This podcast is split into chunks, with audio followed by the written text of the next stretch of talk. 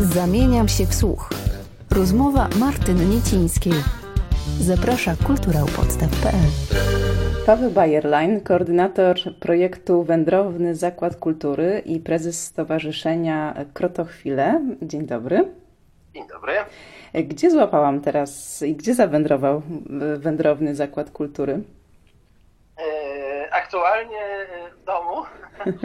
Natomiast e, faktycznie tak z lekkim poślizgiem spowodowanym pandemią e, ruszyliśmy w lipcu i będziemy do końca listopada odwiedzać wsie, także już chyba 15 wsi e, odwiedziliśmy i, praktycznie na wrzesień też mamy kolejne zaproszenia. Wrzesień jest dla nas takim gorącym miesiącem, właśnie też tą ogólną sytuacją spowodowanym, dlatego że wiele rzeczy, które miały się zadzieć wiosną, dzieją się dopiero teraz. Stąd tak naprawdę czasami bywamy e, w kilku miejscach naraz, bo, bo, bo e, mieliśmy na przykład z Wędrownym Zakładem Kultury trzy wsie równocześnie, odwiedzaliśmy, także dzielimy się ekipami. Dopiero co skończyliśmy w Koźminie inwentaryzację cmentarza żydowskiego, a teraz w soboty w Krotoszynie mamy inny projekt Krotoszyński Zaułek Historii. E, lada moment też ruszy Wielkopolski Potańc, który miał się odbyć w Kopaszewie w Stodole jako jedna duża impreza, no ale z wiadomych przyczyn odbędzie się jako cztery bardziej kameralne wydarzenia. To wszystko brzmi bardzo ciekawie, to ja pokrótce bym poprosiła o takie rozszerzenie tych projektów y, najnowszych, najświeższych, nad którymi pracujecie, które wymieniłeś przed chwilą. Dobrze, no to może wędrowny zakład zostawimy sobie jeszcze na później. To są jakby osobne projekty. Dostaliśmy dotację z Narodowego Instytutu Dziedzictwa na rozpoczęcie inwentaryzacji zabytkowego cmentarza żydowskiego w Koźminie Wielkopolskim. Należy podkreślić, że to jest jeden z nielicznych zachowanych praktycznie w całości cmentarzy żydowskich w Wielkopolsce. Siedzieliśmy tam, mierzyliśmy te nagrobki, fotografowaliśmy, opisywaliśmy ich stan i co najważniejsze były przepisywane wszystkie inskrypcje hebrajskie i niemieckie, i pracę w terenie zakończyliśmy, natomiast teraz przez najbliższy miesiąc, półtora e, będziemy e, te wszystkie inskrypcje tłumaczyć razem nadal właśnie z wolontariuszami i, i wszystkie informacje pojawią się na stworzonym specjalnie portalu jewishwlkp.pl i mam nadzieję posłużą e, różnym badaniom, a być może również ktoś na świecie odnajdzie swoich właśnie krewnych na tym cmentarzu. Mhm. I to jest jakby jeden projekt. Drugi, który zadzieje się w sobotę, to też właśnie z Narodowego Instytutu Dziedzictwa mamy dotację. To jest projekt, y, który włączyliśmy w Europejskie Dni Dziedzictwa i będziemy promować krotoszyńskie zabytki, krotoszyńską historię, którą chcemy pokazać poprzez indywidualne historie mieszkańców tego miasta. Stąd y, będzie też taka duża wystawa E, fotografii z rodzinnych albumów, odbędą się zwiedzania zabytków, będzie można zajrzeć w różne miejsca, takie na co dzień niedostępne i na koniec zagra też Krotoszyńska Orkiestra Denta, najbardziej znane polskie szlagiery. I to jest drugi projekt. I trzeci to był Potańc. To jest w ogóle takie dziecko nasze, które zrodziło się z Wędrownego Zakładu Kultury, e, bo jednym z elementów e, tego projektu były takie małe wiejskie wieczory połączone z występami muzyki ludowej. Były to takie wieczory też taneczne. E, no i właśnie w jednej z wsi e, Kopaszewo w zeszłym roku e, ta potańcówka taka przerodziła się w coś większego i tak powstał Wielkopolski Potańc.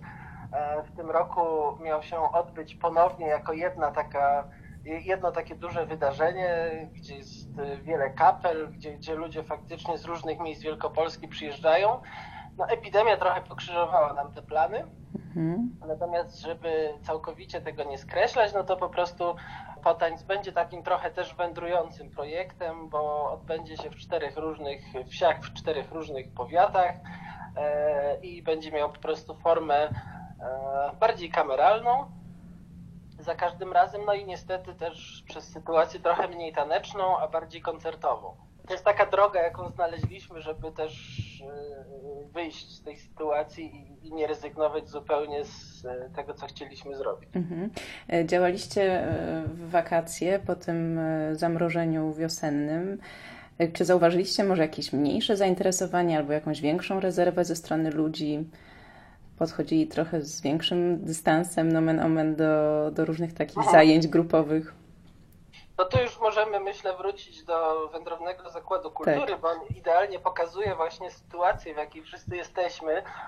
Polega na tym, że wsie y, zgłaszają się do nas, jest na stronie internetowej są opisane warsztaty, jest formularz zgłoszeniowy e, i faktycznie, tak jak gdzieś tam na początku marca ogłosiliśmy, że ruszamy, tych zgłoszeń napłynęło troszkę, no ale jak zaczęliśmy się szykować, no to e, nastąpił lockdown i e, wszystkie plany nam e, się zastopowały. Natomiast jak, już mogliśmy ruszyć, zaobserwowaliśmy wręcz wzmożone zainteresowanie, przede wszystkim dlatego, że bardzo wiele wydarzeń, które się odbywały co roku, czy które też ludzie na wsiach mieli w planach, zostały odwołane.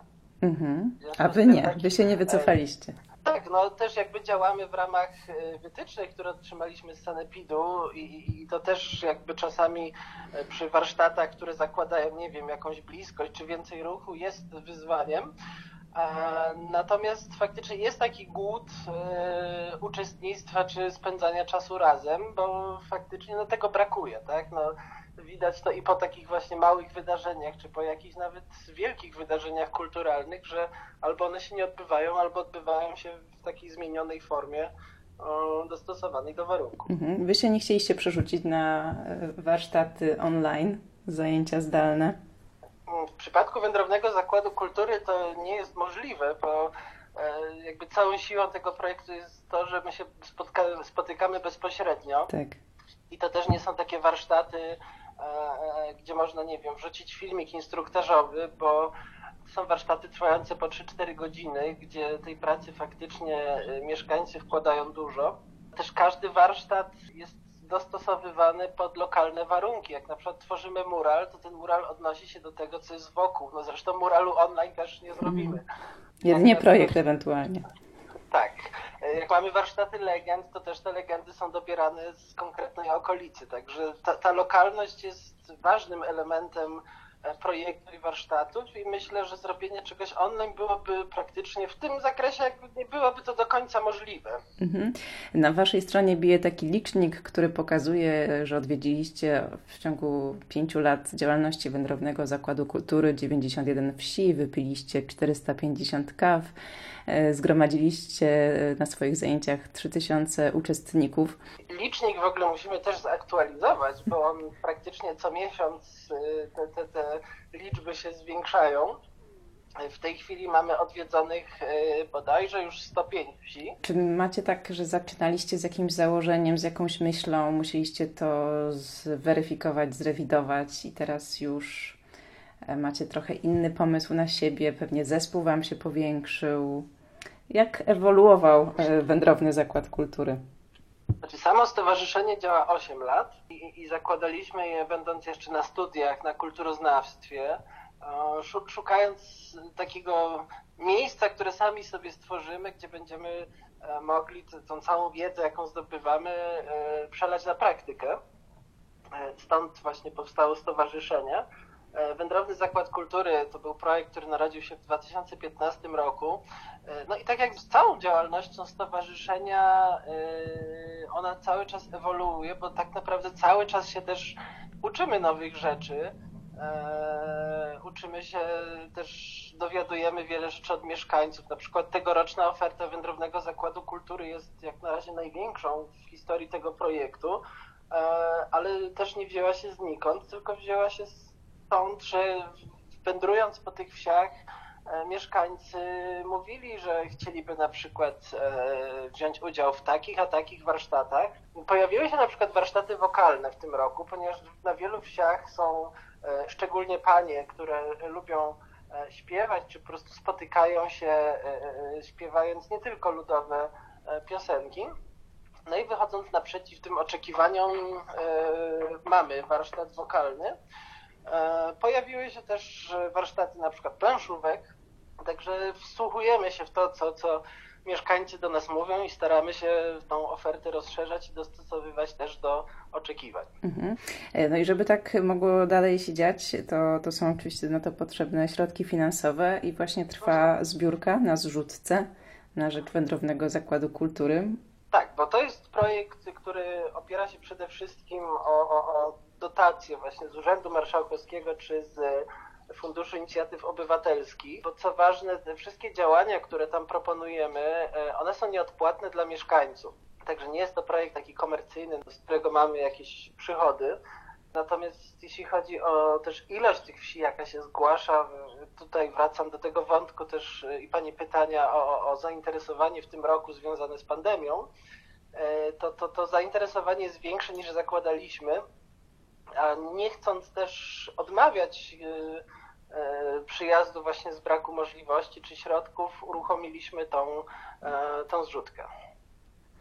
I link do niej znajdą Państwo w opisie przy, przy naszym nagraniu. I trzymam kciuki za, za tę intensywną jesień. Miejmy nadzieję, że będzie intensywna. intensywna i zdrowa. Tak, właśnie. Paweł Bajerlań, bardzo dziękuję za rozmowę. Dziękuję bardzo. Zamieniam się w słuch. Rozmowy Martyny Niecińskiej.